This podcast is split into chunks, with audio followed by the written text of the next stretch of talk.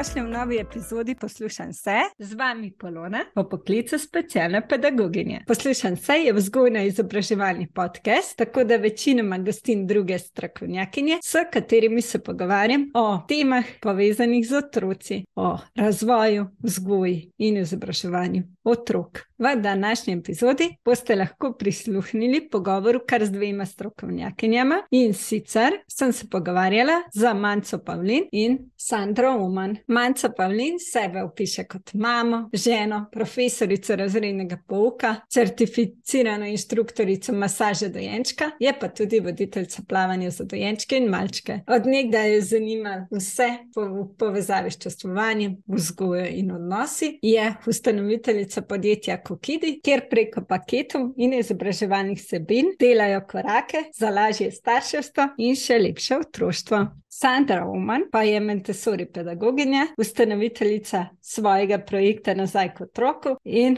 odgovorna za razvojno področje pri podjetju Kokidi. Današnja tema pogovora je otroška igra. In je meni res zelo ljuba. Z otroško igro se v bistvu srečujem že zadnjih 15 let v različnih razvojnih obdobjih otroka, otrok pa tudi prej vlogi mame, dve in pol letne hčere. Zdaj pa v bistvu tako bomo govorili o tem, kako oni dve opredeljujeta otroško igro, kakšen pomen ima po njunem igra v otrokem razvoju, kakšne igrače so dobre igrače in kaj imajo po njunem mnenju skupnega, zakaj manj je več velja tudi pri količini igrač, ker je Sandra Oman Montessori pedagoginja nam podelila še vidik res izjemne ženske, Marije Montessori in njen pogled na igro otroka, čakaj na nas res zanimive in pomembne teme. Epizodo smo posnele sredi februarja 2023. Vljudno vabljeni poslušanju. Če so vam epizode všeč, vas vljudno vabim, da tam, kjer jih poslušate, da jih všečkate, delite, ko, tako da lahko za epizode sliši še več ljudi. Če jih boste delili, bom zelo vesela tudi, da me označite, tako se vam lah, lahko tudi zahvalim. Na Apple podcastih oziroma tudi na Spotify lahko podcast poslušam vse, tudi ocenite, naprimer s petimi zvezdicami. Hvala. Sandra in Manca, lepo pozdravljeni. Sem zelo počaščena, da ste se danes odzvali, da boste predali svoje znanja, izkušnje in, in dragocene informacije, ki jih predajate staršem in tudi strokovnjakom v zvezi tudi z vajnim projektom. Zelo dobrodošli na mojem podkastu. Hvala, Polona, za, pol, eh, za povabilo. Eh, jaz sem tudi zelo počaščena in vesela, in verjetno tudi Sandra. Se pridružujemo, da res hvala. Danes se bomo, bomo, ja, tokrat sta z mano še dve strokovnjakinji, se bomo pogovarjali o otrokovi igri, o igračah, kaj je dobra igrača, kaj sploh je igra, kakšno količino igrač priporočata in mogoče boste, mislim, da da boste z veseljem predstavili tudi igrače oziroma pripomočke, ki jih uh, vsebuje njihov paket, njihovi paketi. Nekateri so narejeni tudi res čisto Sloveniji. Vsi. Boste, a, a vsi so čisto v mhm. celoti narejeni. Ja. Wow. Oh, ja, zdaj no, zaenkrat še vse. Zaenkrat še, ja. ja. Wow, wow, wow. To pa res podpiramo slovensko in s kvaliteto in izdelavo z vsem. Ja, hvala. Ja, ja, potem pa mogoče kar začnemo s tem vprašanjem, ki se pogosto zastavlja in staršem in tudi mogoče strokovnjaki včasih niso čisto enotni. Kaj točno je igra? Vidve, ki pač razvijata igrače in pripomočke, kaj je po vajnem mnenju, ki vidita to definicijo igre? Okay, bom začela jaz, prav, Sandra? Lahko je. Okay. Če zgledamo zdaj tako neko splošno, igra je vse, kar dela otrok. V bistvu njemu igra ni samo neka zabava, ampak mu je igra učenje. V bistvu so možgani takrat zelo aktivirani, zelo stimulirani, razvija se motorika, domišljija.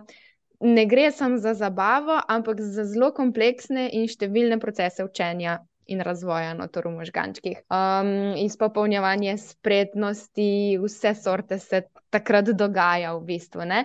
Seveda je pa en cilj tudi preživljanje prostega časa, da čas mine um, in zraven pač tudi učenje.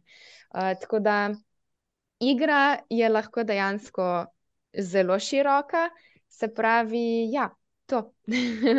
Aha, in kako se razvija, si še se mi zdi vprašanje. Ja, ja, kako se v bistvu, glej, hotla sem reči, ne, v bistvu dojenček se, naprimer, doskrat starši opazijo, ok, aha, se največ. Se doskrat kar zaigra s predmeti, ki nam niso igrače, recimo, kot so tulci ali pa kakšni, uh mhm. -huh. kakšni ključi, daljinci in podobno. Imajo zelo to radi rekla, dojenčke v določenem razvojnem obdobju. Ja, me pa zanima, kako seveda, ko se otrok razvija in raste, se tudi ta igra spremenja. Je mogoče ja. malo o tem, kako se razvija in spremenja. Ja, v bistvu je igra zelo odvisna od čist fiziološkega razvoja otrokovih možganov, otrokovega telesa. Se pravi, na začetku um, je igra neko opazovanje, neko poslušanje, tako rekoč učenje skozi vse, ne? skozi vse, kar se okrog otroka dogaja. Potem pa pač so neki razvojni viniki, ki bi jih zdaj šla vse naštevati, bi bila lahko kar dolg. Ja. Tako da vsakega posebej se ne bi dotaknila, ampak bi se pa dotaknila naše teorije igre. Gre za tri, v bistvu smo na podlagi naših izkušenj in raznih spoznanj naredili eno teorijo igre, tako smo jo poimenovali. Gre za tri, gre za tri področja, ki so pri otroku izrazitejša v različnih fazah, v različnih obdobjih in se nekako sovpadajo s temi mejniki. Gre za tri tipe igre, oziroma tri tipe, ki pri otroku prevladujejo. Ni vse čas samo eden, lahko jih je več naenkrat, ampak v določenih obdobjih je eden bolj izrazit. Ali pa eden bolj velja za tistega otroka, lahko recimo tudi cel, cel čas. In to so pa te tri tipi: velika oziroma gibalna igra, drobna igra oziroma igra na mestu pa interakcijska igra oziroma igra s stikom. Se pravi, ena gre v bistvu bolj za to grobo motoriko, tako rekoč, je bolj plezanje, skakanje, vrtenje, tek. In ta je bolj značilna tudi za mlajše otroke, za kakšne pa še specifično bolj. Recimo, moj sin je izrazito tip velike gibalne igre um, in ga drobna igra, oziroma igra na mestu, to je pa bolj finomotorična igra. Uh -huh ga, ga skoraj da ne zanima. Ne? Se pravi, več ali manj si on zbira nekaj, tudi pri nas, recimo, je vse čas postavljen piklerjev trikotnik, ker on pač full časa tam gor preživlja, uh, na različne načine pleza, ogromno je po kavču, v glavnem. Um, se pravi, velika oziroma gibalna, drobna oziroma igra na mestu je potem ta bolj s finomotoričnimi igračami in pripomočki. Interakcijska igra, igra s stikom, se pa nekako pri obeh prepleta z njima, uh mhm. -huh. je pa pride pa bolj do izraza, lahko tudi sama po sebi, pri enih otrocih ali pa v enih obdobjih, ki pa res iščejo komunikacijo. Je v bistvu bolj jih zanimajo neke te splošne, neka komunikacija, neko izražanje, to je pa ta interakcijska igra oziroma igra s stikom. Pri nas sta te dve velika in interakcijska zelo, zelo izraziti. Je pa, kar bi še tle povdarila, to pa ne pomeni, da v bistvu samo to pri otroku spodbujamo. Čeprav je to otrokovo močno uh mhm. -huh. področje, je glih zato pomembno, da tudi ta drugo področje spodbujamo, da v bistvu ne pride do prevelikega manjka na tistem področju, ki ni izrazito. Recimo, Pri nas se je zelo poznalo, da je bil pincetni prijem zelo pozno razvit, pa ni s tem nič konkretno narobe. Da ne bo kdo zdaj razumel, da pa mora, ojoj, ni še pincetni raz, um, prijem razvit. Sploh ni to fora. Gre za to, da otroku daješ ti, ponudiš tudi tiste stvari, ki ga mogoče ne v tistem momentu um, najbolj pritegnejo iz prve, mm. tako, tako, da v bistvu mu ponudiš in potem vidiš, kaj on s tistem naredi. Ker recimo, če sem mu jaz ponudila pa neke, neko drobno igro in neke finomotorične, je zagrabil, je prijel, mm. se je igral skupaj z nama. Um, Ni pa samostojno izbral. Tako. tako. Mm. tako. Točno tako. Yeah. Ja, ja, ja, Mogoče ja. se lahko tukaj še dodam, um, da je zelo pomemben tudi, da imamo v mislih, da je uh, prav ta interakcijska igra razvojno pride kasneje. Da ne moramo pričakovati mm. od dojenčkov, da bodo nekako zelo v interakciji, oni zelo živijo za trenutek in lahko ja pride v interakcijo z enim drugim otrokom, dojenčkom, ampak to ne bo najbrž vodilo v neko dolgotrajnejšo sporedno oziroma interakcijsko igro. Medtem ko kasneje tudi ker ko so dojenčki, imajo zelo velik, veliko pozornost usmerjeno na sebe in na svoj razvoj, uh -huh. potem šele jih začne zanimati svet in interakcija z drugimi. Tako da to pride mogoče lahko že po drugem letu, ali pa recimo po letu, pa pol, ampak če bo starš to opazil kasneje, tudi ni nič narobe s tem, da ne bo mislil, da je, njihov, da je kaj narobe z njihovim otrokom. Ampak recimo prav razvojno to pride kot neka faza, malce kasneje v, v otrokovem razvoju. Ja, zelo um, dobro, da se to izpostavlja. Ja, absolutno. Uh, ja. Klepr igri s stikom je v bistvu eden je to področje torej interakcija z nekimi sovrstniki, ampak tukaj zraven pa se zajema tudi igra s stikom v tem smislu, da se otrok igra, išče bližino in išče starša, ko se igra. To je pa v bistvu že od čistmečkega naprej, še najbolj pogosta igra se razvije, ko je starš v neki neposrednji bližini. Lahko samo opazuje, ampak si otrok želi, da je nekako zraven, če ne je pa hiter igra končana. pa tudi zelo pomembna je za to izgradno oziroma razvijanje povezanosti z ja, otrokom. Ja, že od začetka starši, potem pa dveh, treh letih, pa pol, že večjo vlogo imajo tudi vrstniki, sploh v primerjavi s prejšnjim obdobjem.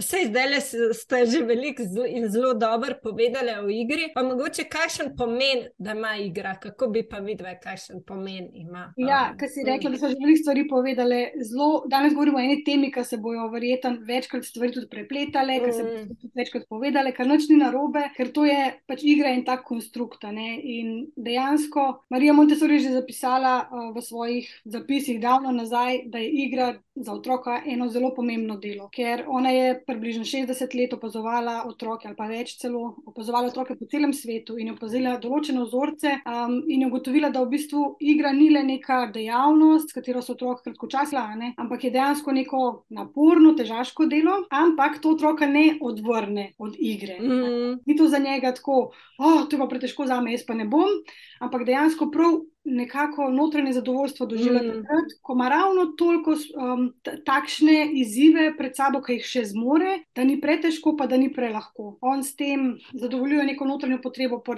po napredku, pa rasti, pa razvoju. Igra je zelo, zelo pomembna stvar za otroka, ampak je tudi težko delo in zanimivo mi je, ker redki, razen Montessori pedagogike, kot jaz poznam, no, pač to tretirajo kot delo. Ne? Zato tudi rečemo, da otroci v Montessori vrtu delajo uh, in se ne igrajo. Ampak o tem lahko tudi malo kasneje nekaj povem. To je super, da si to omenila. Ja, ja, da mogoče je fino osvetliti ta del, zakaj mm. delajo. ja, ker mogoče res ni tako širše znano to. Ja, vse to je. Ja, ja. Nekaj predsodek iz tega lahko vam pride, ker pa vemo, da jih je kar en kup, nažalost. Res je, ja. Uh, je bil pa pre, pred kratkim tudi dokumentarc o Mariji Montessori, jaz si ga imam sicer na seznamu želja za ogledati, tako da mhm. upam, da jih. Ja, jaz mislim, da to je res ena taka referenčna, um, referenčen dokumentar za pogled. Mislim, da je še dva do tri tedne na voljo uh -huh. na, mhm.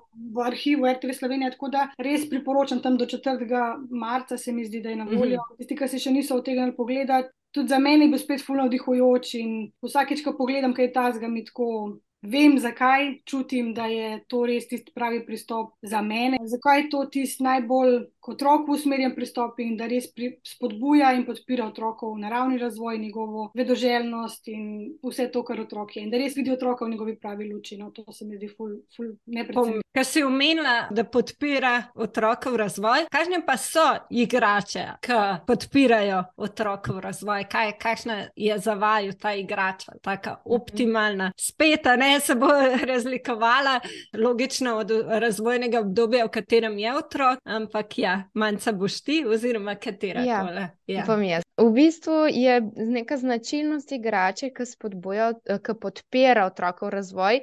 Ta pojem bi rada razčistila. Spodbuja. Ali pa mhm. podpira. Spodbuja je beseda, ki hočemo, da bo nekaj čim prej. Tle pa mhm. ne gre za to, da bo nekaj čim prej. Tle gre za to, otrok pač ima neko gensko zasnovo, neke predispozicije, neke svoje potencijale, ki mu ga starši lahko pomagamo razvijati tako, da mu pripravimo dobro in spodbudno okolje. In vse te stvari, tudi pri nas, pri Kukidi, jih nimamo zato, da spodbujamo, da bo se otrok razvil. Mm. Ne, otrok se bo razvil v vsakem primeru. Najbolj, oziroma starši pa lahko pri tem pomagamo tako, da mu pripravimo primerno okolje, se pravi v skladu z razvojem, v skladu z interesi, v skladu tudi nečisto procentnimi interesi, da razvijamo tudi tista področja, da na tista področja pa kar stojijo Tako da ne pozabimo, čim bolj celostno. Ko. Zelo dobro si to povedala. Res je. Tako da v bistvu nekako za igrače, ki podpirajo otrokov razvoj, bi rekla, ena skupna točka je, da imajo pač nek namen, nek cilj, ne niti določen način igranja, ampak nekaj, kar v, v smer lahko starša, kako to otroku ponuditi, na kakšen način ga bo podprla.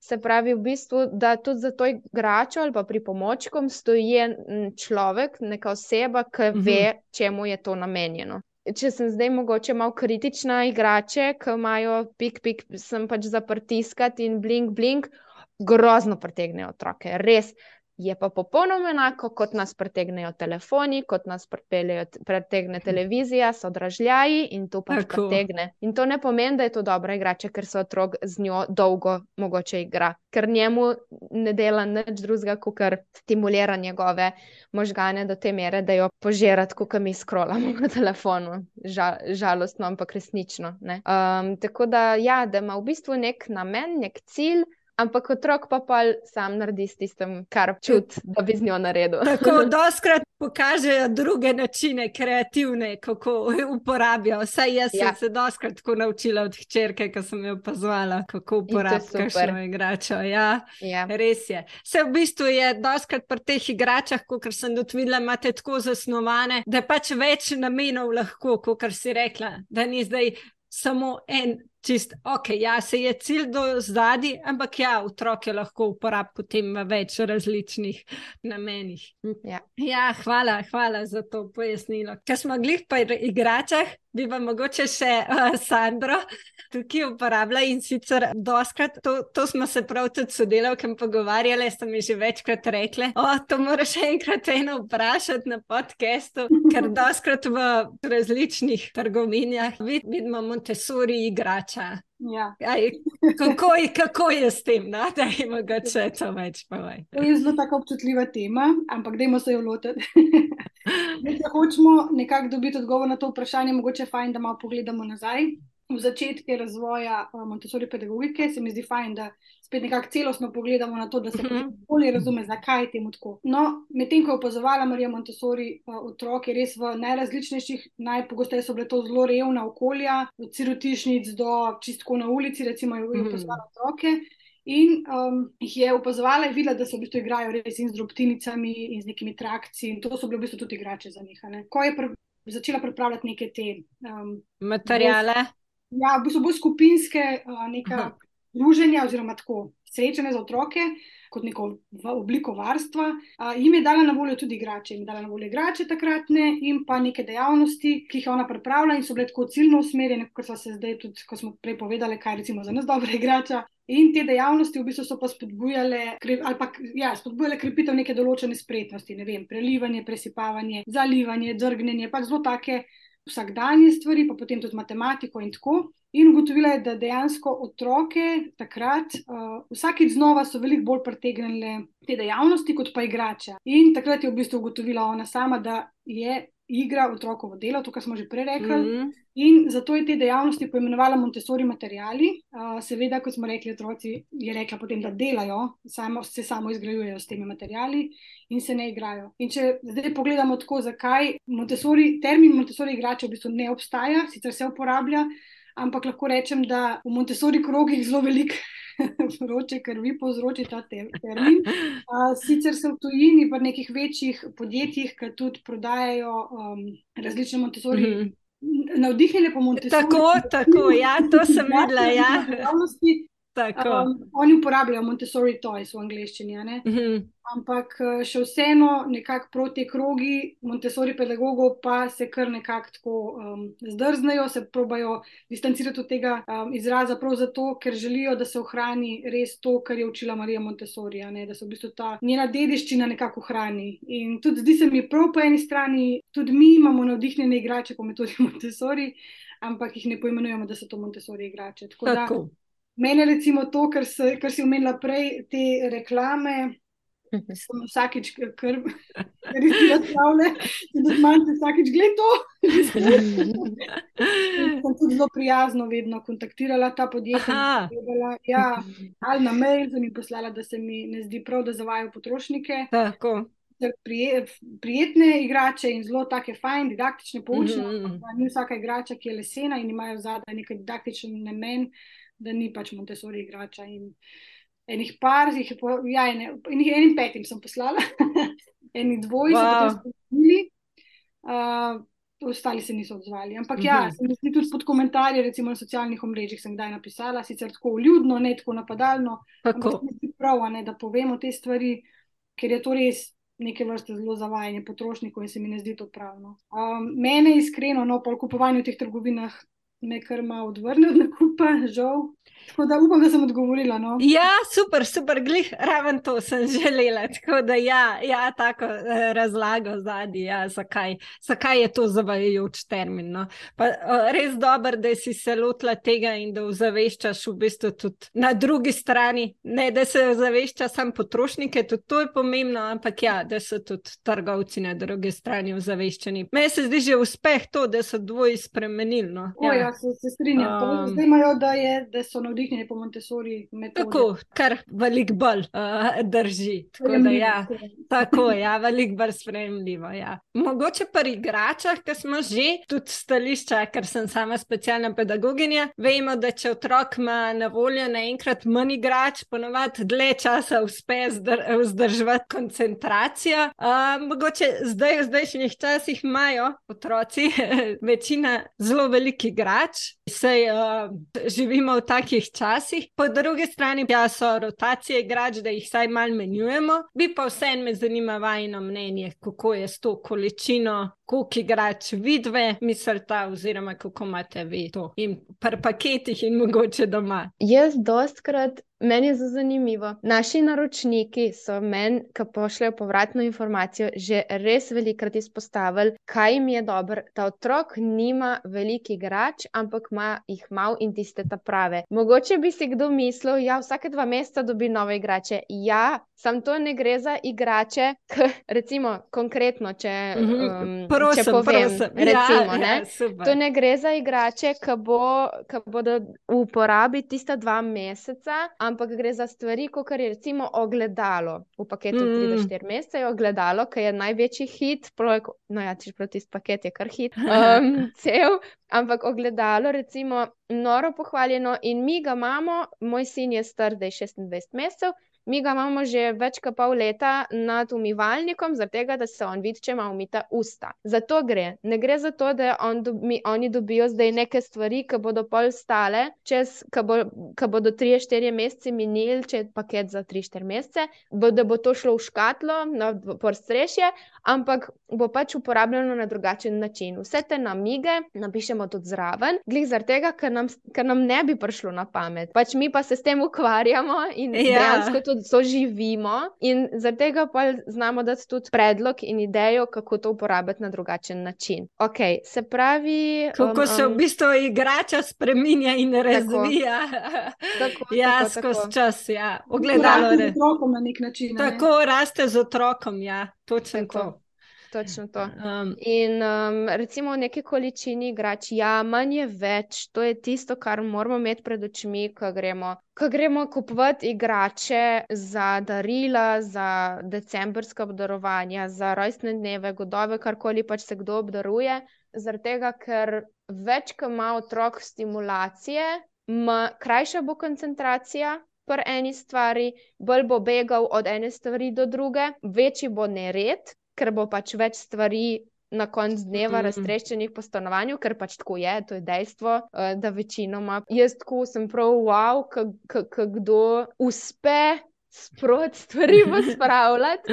Mislim, meni recimo niti ni nek cilj, da bi sprot pospravljala, ker to ni čez življensko mogoče, vsaj ne por meni. Ja. Meni to ni naravno, da bi skozi vse dajala točno na tisto mesto, kamor spada, sploh pa ne par uh, malčku, ki je, je samo un zagon, da jim hočem pač se učiti. Ampak hkrati pa, če je več, več kaj je kosov, bolje to vse povsod. Ampak, ko imaš pa recimo to nekako razporejeno, konkretno pri nas, recimo, imamo poličke In na vsako polico so ena do dve stvari, recimo tematsko povezane, recimo ima dve različni sestavljanki, mm -hmm. ima na eni polici. Na eni so traktori, ki so itak hit od pred enega leta naprej, so dnevno v uporabi. Na, eni, na dveh, na treh policah trenutno imamo kukidi stvari, ki so tudi iz prejšnjih paketov, pa imamo več kot dve leti, pa se pač stvarmi igra, jih večkrat tedensko vzame v roke sploh stezo, pa avtobus, ki so zdaj iz paketa odkrivamo gibanje, so res prav hit, hit. Manj je več torej zaradi količine dražljajev, ki jih otrok prejme. Tudi to je dejstvo. Če bo otrok imel tri igrače, ki žmigajo, pa piskajo, pa zraven tri lesene igrače, bo verjetno izbral tiste, ki žmigajo in piskajo. Jaz še vedno rečem, da uh, moje mnenje je, da nič ni narobe, če ima otrok eno stvar, ki žmiga in piska. Problem rata takrat, ko te stvari prevladujejo. Mm v njegovem okolju. Tako. tako. Tako, ja, ja, tako. Je preveč stimulirano, preveč ja, zdržajo. To mi je zelo všeč, ko si izpostavlja, da, tudi, da imaš v bistvu res ti kot tudi razvijalka teh igrač, pripomočkov, ko kidi imaš pa še pogled, kako sin te pripomočke tudi čez čas uporablja. Ne samo v tistem določenem obdobju, ko je predvideno nekako za ta paket, ampak tako, kar si rekla prej, ne, da, da raste potem z njim in vidiš, kako pol s časoma uporablja, oziroma verjeten, kakšne ne in ti je zelo dober pogled. Absolutno. Ja. Eno lahko porajta eh, en mesec, eno lahko pa na pogleda pol leta, pa jo bo pol dvakrat vzel roka. Veš, od otroka do otroka je različno, tud, tud, od obdobja do obdobja. To pa sploh. Nikoli ja. pa ne moramo pričakovati, da bo vsem otrokom vse stoprocentno všeč, ni realno, tako kot nam odraslim ni. Ja, ja. mogoče edino gledalo, ki je res. Skozi. ja. ja, pa še so take stvari. Tisti val, val iz uh, paketa 7 do 8 mesecev, ki je za podporo gibalnega razvoja, kar stres koristim. To ne pomeni, da otroka, ki še neko baca, daješ na ta val, da bo skobacal. Mm -hmm. Noč ne mm -hmm. greš pospošvati, tudi zraven piše, ne tega dela. To je potem, ko že nakazuje iztegnjene roke, ga uporabiš pa na načine, ki, je, um, ki so ideje na kartici ali pa na svoje ali karkoli. Ma ta val je pri nas, zdaj je večino časa bala, ki jo pač prevaža.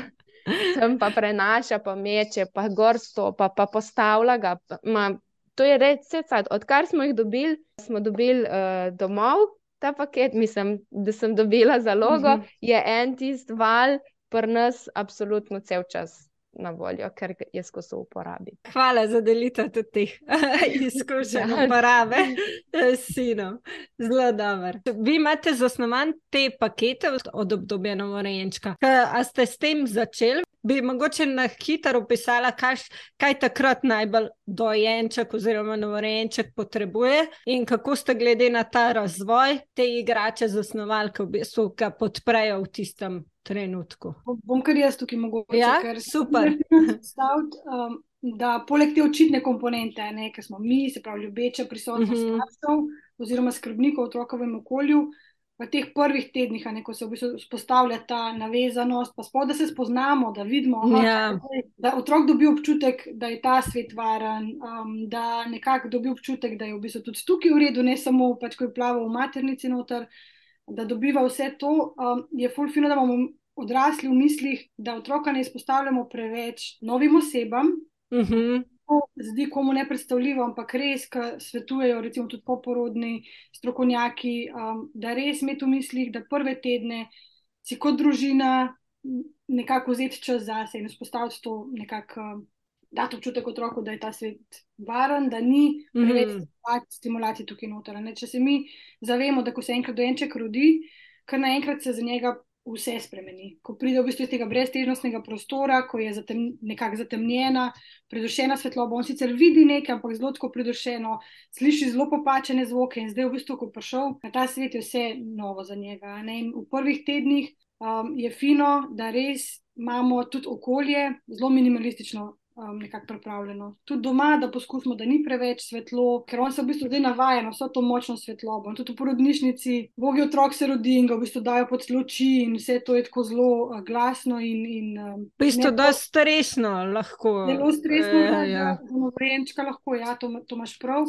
No, in da v bistvu tudi okolje tako pripravimo, da je mogoče vse bolj glasno, bolj pridušeno. Ne zdaj, da še petamo na stop, da je otroka to ne, ampak da ni nekih glasnih zvokov preveč, nekih pokov, nekih. Vse so stvari, ki tudi ne moramo vplivati na njih, ne, mm. ne pade pa zelo potavač, to ni. Ampak tako želim povedati, da ni mogoče fino, da največ, da v prvih tednih sploh, da hodimo z otrokom zelo velik med ljudi, pa da zelo veliko ljudi prihaja v naš dom. Ali pa kakšna nakupovalna središča.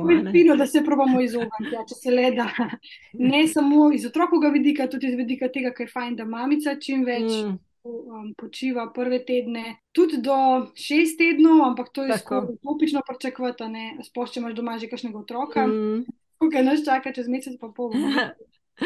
ampak um, ja, se mi zdi, da zelo pomemben je to, da v okolje, v, okolje, v katerega otroka prenesemo, da je že od začetka minimalističen. Mm -hmm.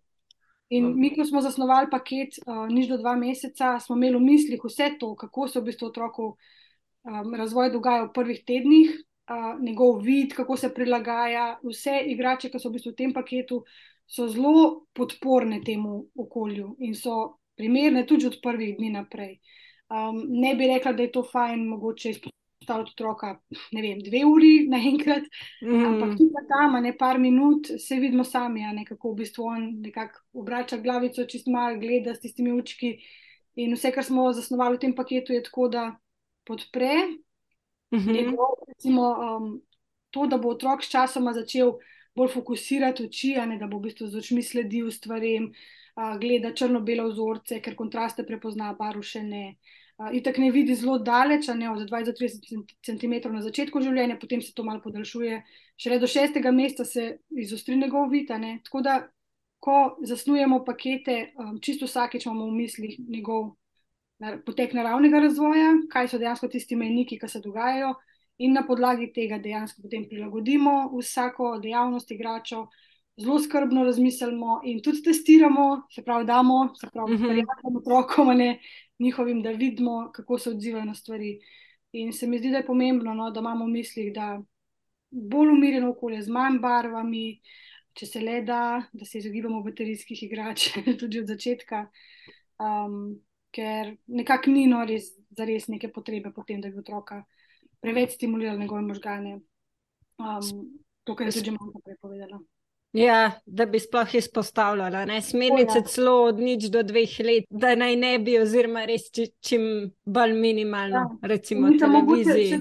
Ja, če, na ne, če navežem še na to, prej, kar je Manca govorila, glede teh izpostavljenosti uh -huh. tem mhm. dražljajem, dejansko se potem od, um, otrok, ko je izpostavljen večkrat, pogosto tem dražljajem, kot so ekran ali pa uh, tudi take igrače, uh, ja, pritegne to njegovo pozornost. Ampak več uh, možgani delujejo tako, da večkrat, ko smo izpostavljeni neki uh, stvari, se možganske povezave, se pravi sinapse med nevroni, postavljajo. Uh -huh. In bolj kot smo izpostavljeni, bolj se utrjujejo te povezave. Uh -huh. Potem otrok dejansko rabi to. Prestimulacijo, non-stop, in ti otroci so zelo težko potem skoncentrirani, tudi kasneje, govorimo o šoli, pa mm. tudi v življenju, ne? ker rabijo stalno to stimulacijo iz okolja.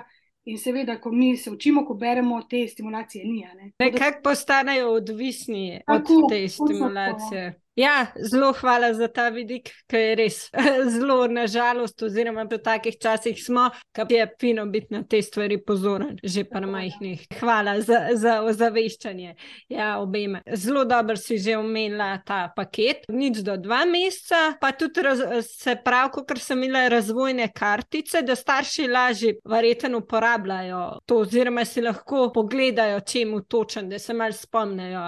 Ja, v bistvu del vsakega paketa niso samo igrače in pripomočki, ker je vse. Poleg tega še tukaj njih področji, na katerega, uh, s katerimi lahko podpremo svojega otroka. Pa spet nočem dati tle občutka, kaj vse moraš delati, da boš otroka dosti mm -hmm. podprl. Ne gre za to, v bistvu gre za to, da veš, kaj obstaja, pa kako ga lahko podpreš, pa kaj se mu dogaja, pa kako se razvija, pa kako so pa odkverno njegovi mejniki. Pa vidiš, aha, ok, mogoče je pa, ok, tu je pa vse ok. Pa pa ne vem, če se pri desetih mesecih še ne obrača strebuščka na hrbet ali pa skrbna trebuščka, na trebušček pa mogoče pomisliš, da okay, to bi bilo pa smiselno najbrž omeniti pediatru ali pa kaj. Ne? In če ne veš teh okvirnih stvari, ne veš, da bi bilo fajn, da mu pač na nek način pomagaš. Na naši razvojni karti so um, v prvem sklopu, torej od rojstva do 12 mesecev, so tri področja: um, miselni, socialno-čustveni in telesno-gibalni razvoj, okvirno, kako si te mejniki nekako sledijo starosti itak niso fiksirane. Ni to, mm. pri petih mestih se bo obrnil, pri sedmih mestih bo mm. se. Um, so tudi tako res malo ohlapne um, stvari, in je treba biti res, res previden, da ne pričakujemo pa preveč od svojega otroka in od sebe, um, ker niso ti meniki temu namenjeni. Um, gre za to, da ti spremljaš, kaj približno se otroku dogaja, in če vidiš neko veliko odstopanje od tega, lahko narediš Tako. korak naprej v to smer ne, da ga podpreš na druge načine. Uh, tako da to je na razvojni karti, pa vsaki, na vsaki je en strokovnjak gost. Um, so tudi napisani na spletni strani, uh, same super stroko, same strokovnjakinje smo imeli do zdaj, tako da moramo pomisliti, da še enega moškega vključimo. Absolutno. Um, je to tudi ena misel, ki jo imamo v glavi. ja, ja, se pravi, ste bolj žensko podjetje za enkrat. Um, z vidika didaktike, ja. Z vidika drugih stvari pa ne imamo, tudi urbana in isto, kar zraven. no, super, super, da je uravnoteženo celostno, spet na en način. ja. Ja. Kar mi je bilo zelo, ker sem pregledala spletno stran in mi je zelo padalo v oči, je ta um, paket, ta čustveni, te pripomočki in uh, igrače. Uh, in mi je bilo to zelo tako, ker se mi zdi, da tega pa res nisem še tako zasledila. No? Se mi zdi res nekaj posebenega. No? Bi mogoče malo več me zanimalo, ker se mi zdi res izjemno pomembno področje, tako no, bi uh, izpostavljala no, ta paket. Me veseli, da si ga izpostavila, ker je res pomembno področje in sem full vesela, da se v zadnjem času več govoriti o tem. Mm -hmm. um, ne samo mi, tudi marsikdo drug govori o tem, lepi napredki se delajo v to smer. Zdaj moramo samo še raziskati, kako res to razširiti. In recimo, pač mi smo to šli prek paketa, um, odkrivamo čustva, je naslov mm -hmm. temu paketu, je kot del naročnine ali pa pač posamezen paket, se ga lahko kupi za kakšno darilo je pa primeren od enega leta naprej in v bistvu za celo obdobje malčka. In še potem, v bistvu, ni to zdaj samo za nekaj 36 mesecev, do, do pač obdobja tega treh let, ampak v resnici velja to vse še naprej. No? Tako da. Um, del tega paketa, v bistvu smo imeli v mislih, da, gre, da pokrijemo različna področja. Ne samo prva misel, mogoče pri igračah je doskrat fina motorika, ampak se trudimo, da pač gledamo bolj celostno.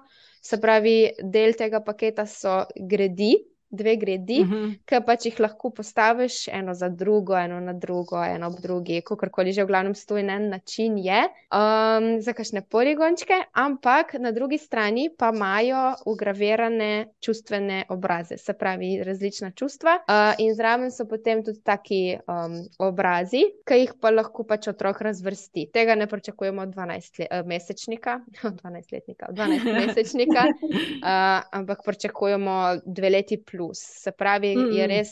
Ampak na začetku bo pa pač, to so pa obrazi, ki so magnetni in zraven je tudi ta lesena figura človeka, ki ji lahko pač te obraze pritrjujemo gor. Se pravi, gre za neko um, simbolno igro, igro vlog, um, lahko so to magneti, ki jih ima pač na, hlad, na neki površini, ki se primejo gor mm -hmm. na mhm. hladilniku, pa jih sem pa tja predstavlja med sabo se primejo, pa gre za spoznavanje magnetizma, ker po eni strani se pač odmikajo, po eni se primejo. Tako da to sta prvi dve stvari, potem pa so še te kartice o čustvih. Jeza, sram, veselje, žalost, presenečenje in strah je prvih šest čustev v otrokovem razvoju, ki se prva, med prvimi uh mhm. -huh. pojavijo, v bistvu, ki jih hitro že zaznamo in zasledimo pri otroku. In je dobro, da nekaj vemo o njih, da pač se znamo odzvati, da jih ne zatiramo, da ne gre otrok v backboj, zmrznite v odziv in tako naprej. Uh, kar pa tudi piše v bistvu na karticah, kdaj nas je strah, se pravi, če gremo zdaj za kartice strahu, kdaj nas je strah, kako se takrat počutimo in kaj lahko naredimo. Spodaj je pa še na svet za starše, na kakšen način reagirati, da otroka podpreš v teh čustvih, uh Mhm. -huh. da, tako kot sem prej rekla, da ne gre v beg boj zmrznitev, ampak pač v bistvu pripomorejo k njegovi osebni rasti, tako rekoč, in razvoju čustvene inteligence. Da se mu je Tako. tudi pol kasneje, tako kot si rekla, ne, ja, sicer za obdobje malčka nekje do treh let, ampak nekako, če imamo te dobre strategije, nam to res koristi, res celo življenje. No? Super. Ja, če jih mi že od začetka pod, pač podpiramo na tak čim bolj optimalen način, je to res čist drugače potem tudi vstopati v vsa naslednja razvojna obdobja. Mm -hmm. Se Mhm. strinjam, tako da hvala. Meni se tudi kot staršem se mi zdi zelo pomembno, um, ker smo tudi v večini starši v, v Mhm. ekipi. Se nam Mhm. zdi zelo pomembno, da otroku dajemo in dovoljujemo prostor za izražanje vseh To. čustev. Mhm. Tukaj se v bistvu res uh, izgrajujejo temelji za to čustveno inteligenco in kako bomo mi dejansko potem kot odrasli lahko čustvovali in delovali in, in reagirali v določenih situacijah. Um, mnogi od nas smo odraščali, seveda naši starši so po najboljših močeh, kot so Mm. mogli nas vzgajali, ampak smo odraščali v okoljih, kjer nam ni bilo dovoljeno čutiti določenih čustev, sploh jeze, žalosti, Mm. vnaprej najbrž je znano mnogim poslušalcem. Um, in tukaj se nam res zdi fino, da se vse bolj uh, krepi zavedanje in govori o tem, kot je Manca rekla, uh, koliko pomembna je pač res ta čustvena inteligenca.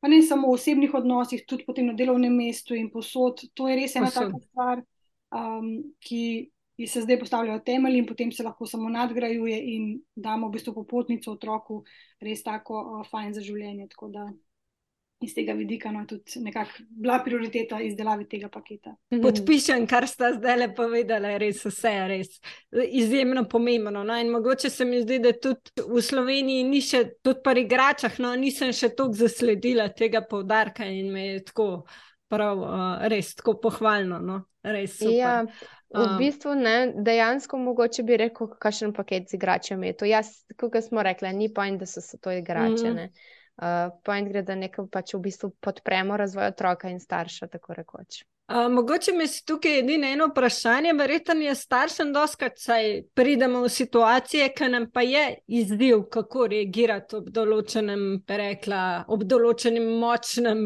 izražanju malčkovih čustev. Uh, imate mogoče tukaj pa kakšno ok, kartice, imate, pa je verjetno to napisano, ali mogoče še predlagate še kakšno literaturo, ali kako se kakšen starš obrača s tem, s temi določenimi izzivi, ki jih ima.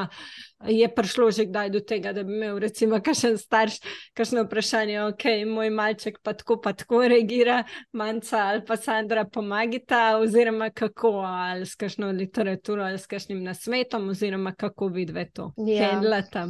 Ma ja, v bistvu je doskrat se tako obrnejo na nas no, in vprašajo um, po kakšnem nasvetu, kako se tega zdaj lotiti.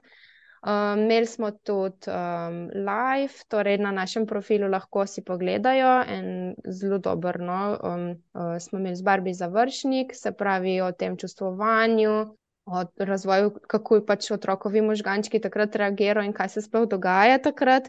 Če govorimo recimo o čustvenem izbruhu zdaj, je pa super literatura, ki jo bi jaz priporočala, je Celostni razvoj otroških možganov Mhm. od Daniela Sigla. To je ena odlična knjiga, ki lahko veliko spremeni, če jo beremo zavestno. Ker nam pomaga lahko razumeti si- otroka. Tako, tako. Ja. In da, da pač njegove vedenja oziroma reakcije niso namerne, ampak ja, ja del ja. razvoja. So fiziološko pogojene. V bistvu. Tako. Ja, in v bistvu nima vpliva otrok, dejansko. Tako. Ni kontrole, ne sedi za volanom. on. Tudi, uh, če lahko stam še to, no, na teh Mhm. karticah, ki smo jih vključili v ta paket, se nam je zdelo tudi pomembno vključiti res neko SOS kartico, ki bo lahko Mhm. starš potem, um, mogoče si jo dal na neko vidno mesto in ko se bo zgodil nek čustveni izbruh, da bo vedel, Mhm. ok, teli so koraki, ki mi lahko pomagajo do te Mhm. do, do povezanosti. In so zelo tako jasni, mehanski, ampak zelo učinkoviti. No? Tako da, ko izdelujemo pakete, nikoli nimamo v spredju ali pa v mislih samo otroka, ampak vedno celo družino, Mhm. vse, ki bojo prihajali v stik z otrokom, zato ker se nam zdi, da je to res taka celota, ki se jo ne da pač res razparcelirati. Um, in podpora staršu skozi vse to, uh, skozi pakete in skozi ta predavanja, kot je tudi uh, in gostovanje, kot je Manca omenila, ne samo z Barbi, ampak z drugimi strokovnjaki na profilih uh, socialnih Mhm. omrežij. so pa res še ta dodatna podpora uh, staršem, ki jo res um, vsi rabimo. In ne samo zato, da, da pač pomagamo kot starši lahko otrokom, mm -hmm. ampak da smo dovolj dobri starši. Ja, pa da nismo v tem sami, da, da je ja. pač to. ja. Tudi meni pa manjka. Ja, ja, ja. Kako smo doma, ne, ne govorim, da imamo mi pa zdaj tukaj zelo okolje, ki pa vse vedno samo funkcionira. Pač mm -hmm. Je samo življenje, ki se dogaja in se dogaja družina in se dogaja starševstvo. Tako da fino je pa imeti neka urodja ali pa mogoče kam se zateči svet in to, da imaš občutek, da nisi samo v tem. Tudi. Ja, to, to, tudi. Ja. O, super. Jaz mislim, da, da večino o igri, igračah in v, v zvezi s to temo smo, kar se da v tej eni uri pokrile. Bi pa vse vam dala še priložnost, če bi še kaj izpostavili, kar do zdaj, kar bi si želeli, pa nista. Ja, jaz bi. no. Um, Dejstvo je, da igrača je lahko vsaka vejca, vsak kamenček, vsak listek in otroci si najdejo zaposlitev tako ali pa drugače, sploh kadar smo zunaj v naravi. Tudi to je eden od razlogov, zakaj ne pripravljamo recimo stvari za ven, ker je narava sama po sebi tako bila, tako dala, da je škoda, da se je ne poslužujemo bolj. Tako da, ja, eno, en odgovor, ker nas ga doskrat sprašujejo, zakaj nimamo kaj za upeskovnike ali pa za ukašne to. Narava nam je dala res ogromno. Tako da, ki si pa noter, pa je daš, je pa dejstvo, ali pa daš, ali pa pač si noter. Je pa dejstvo, da pač v tej današnji družbi je na voljo ogromno igrač in ogromno enih različnih stvari, ki pa imamo možnost izbire in da, da se izobrazimo, da pogledamo, kaj je smiselno in tisto pač otroku ponudimo. Tako da ena taka z dobrih izobraževalnih točk je tudi podcast tvoj, Polona. Ja, da, hvala. hvala, da ozaveščaš preko tega. Odlično. Um, zelo rada prisluhnem. No, hvala, hvala. Manjka um, velika pomeni. Ja, tle pa zraven bi se še navezala. Jaz sem dostkrat hotela, da bi se moj otrok čim več sam igral, samostojen mm -hmm. na tretjo. Pa pa sem dojela, je pa zelo tip interakcijski. No? On, on res rab ogromno bližine, se igra dolg časa, ampak če jaz zraven sedim, recimo. Uh, dobro, zdaj je že več kot dve leti, se tudi te stvari malo spremenjajo. Ampak, ker sem jaz do, dojela, pismo čez par let ne bo tako, me ne bo rabo, zdaj pa ja. ne. In ne vem, kar tako prešilno me je enkrat, o moj bog, kaj se v resnici dogaja. Jaz le nekaj hočem, da čim več sam v resnici, pa pač bo ta moment prišel in mi bo žal, da nisem več časa z njim preživljala. Tako da zdaj poskušam, kako po nekem vodilu živeti, da posvetim otroku toliko časa, da mi čez deset let ne bo žal, da sem ga premalo, ker si hr mi ne bo žal, da sem ga preveč. O, ja, to je res eno tako vodilo, zelo pomembno. Kot si rekla, ja, ja kar pa vaj sem. Samo še navežem, kar si tako lepo povedala, manjka. Ja, včasih je otroku dovolj to, da že zraven sedimo. Mm -hmm. Danes nismo se te teme veliko uh, dotikali, ampak je zelo pomembna in mogoče za razmislek za vse naše poslušalce. Ta čas, ko smo mi ob otroku, ni treba, da je to neka aktivna igra z njim. Včasih je njemu dovolj, da sedimo zraven. Izkoristimo ta čas za opazovanje, kaj on počne, na kakšen način počne, s katero roko počne, ali počne že drugače, kot je počel včeraj in samo opazujmo, ker tako v bistvu opazujemo skrivnosti otroštva in kako dejansko on se razvija. Ne, da smo mi tisti čas na telefonu zraven, ampak da res opazujemo njegovo igro. Čim bolj bi rekla tukaj in zdaj, ne? čim bolj res. In se ne opletamo, če, to, mm -hmm. če, ne, če on sam ne povabi, oziroma če ne vidimo, da rabi pomoč. Čim manj opletanja v igro, tudi to. Ja, to včasih sicer težko zdržati s treningom in uh, je to pa veliko lažje. Pa že to, da smo zaveščeni, da bomo lahko na ta način, da ga lahko zmotimo. Mislim, da, da si včeraj glih en dober primer videa delila ne, na to temo. Mhm. Tudi če otroka pohvalimo in če sicer on zatopljen v tisto aktivnost, ga lahko s tisto pohvalo, ki je sicer targati zelo dobrodošla ne, in podporna za razvoj, ampak v določenih trenutkih tudi tako na tak način lahko zmotimo koncentracijo otrokovo. Mislim, da smo zdaj nekako zaključili danes to temo, kar po eni uri lahko. Tako da res sem vesela, da smo imeli ta pogovor, da sta predali res veliko koristnih, konkretnih napotkov, informacij, da tudi na ta način lahko še dodatno podpremo vse nas. Pa tudi zelo prijeten pogovor je bil. Hvala vam še enkrat, hvala pa tudi vsem za poslušanje in se slišimo. Lepo zdrav!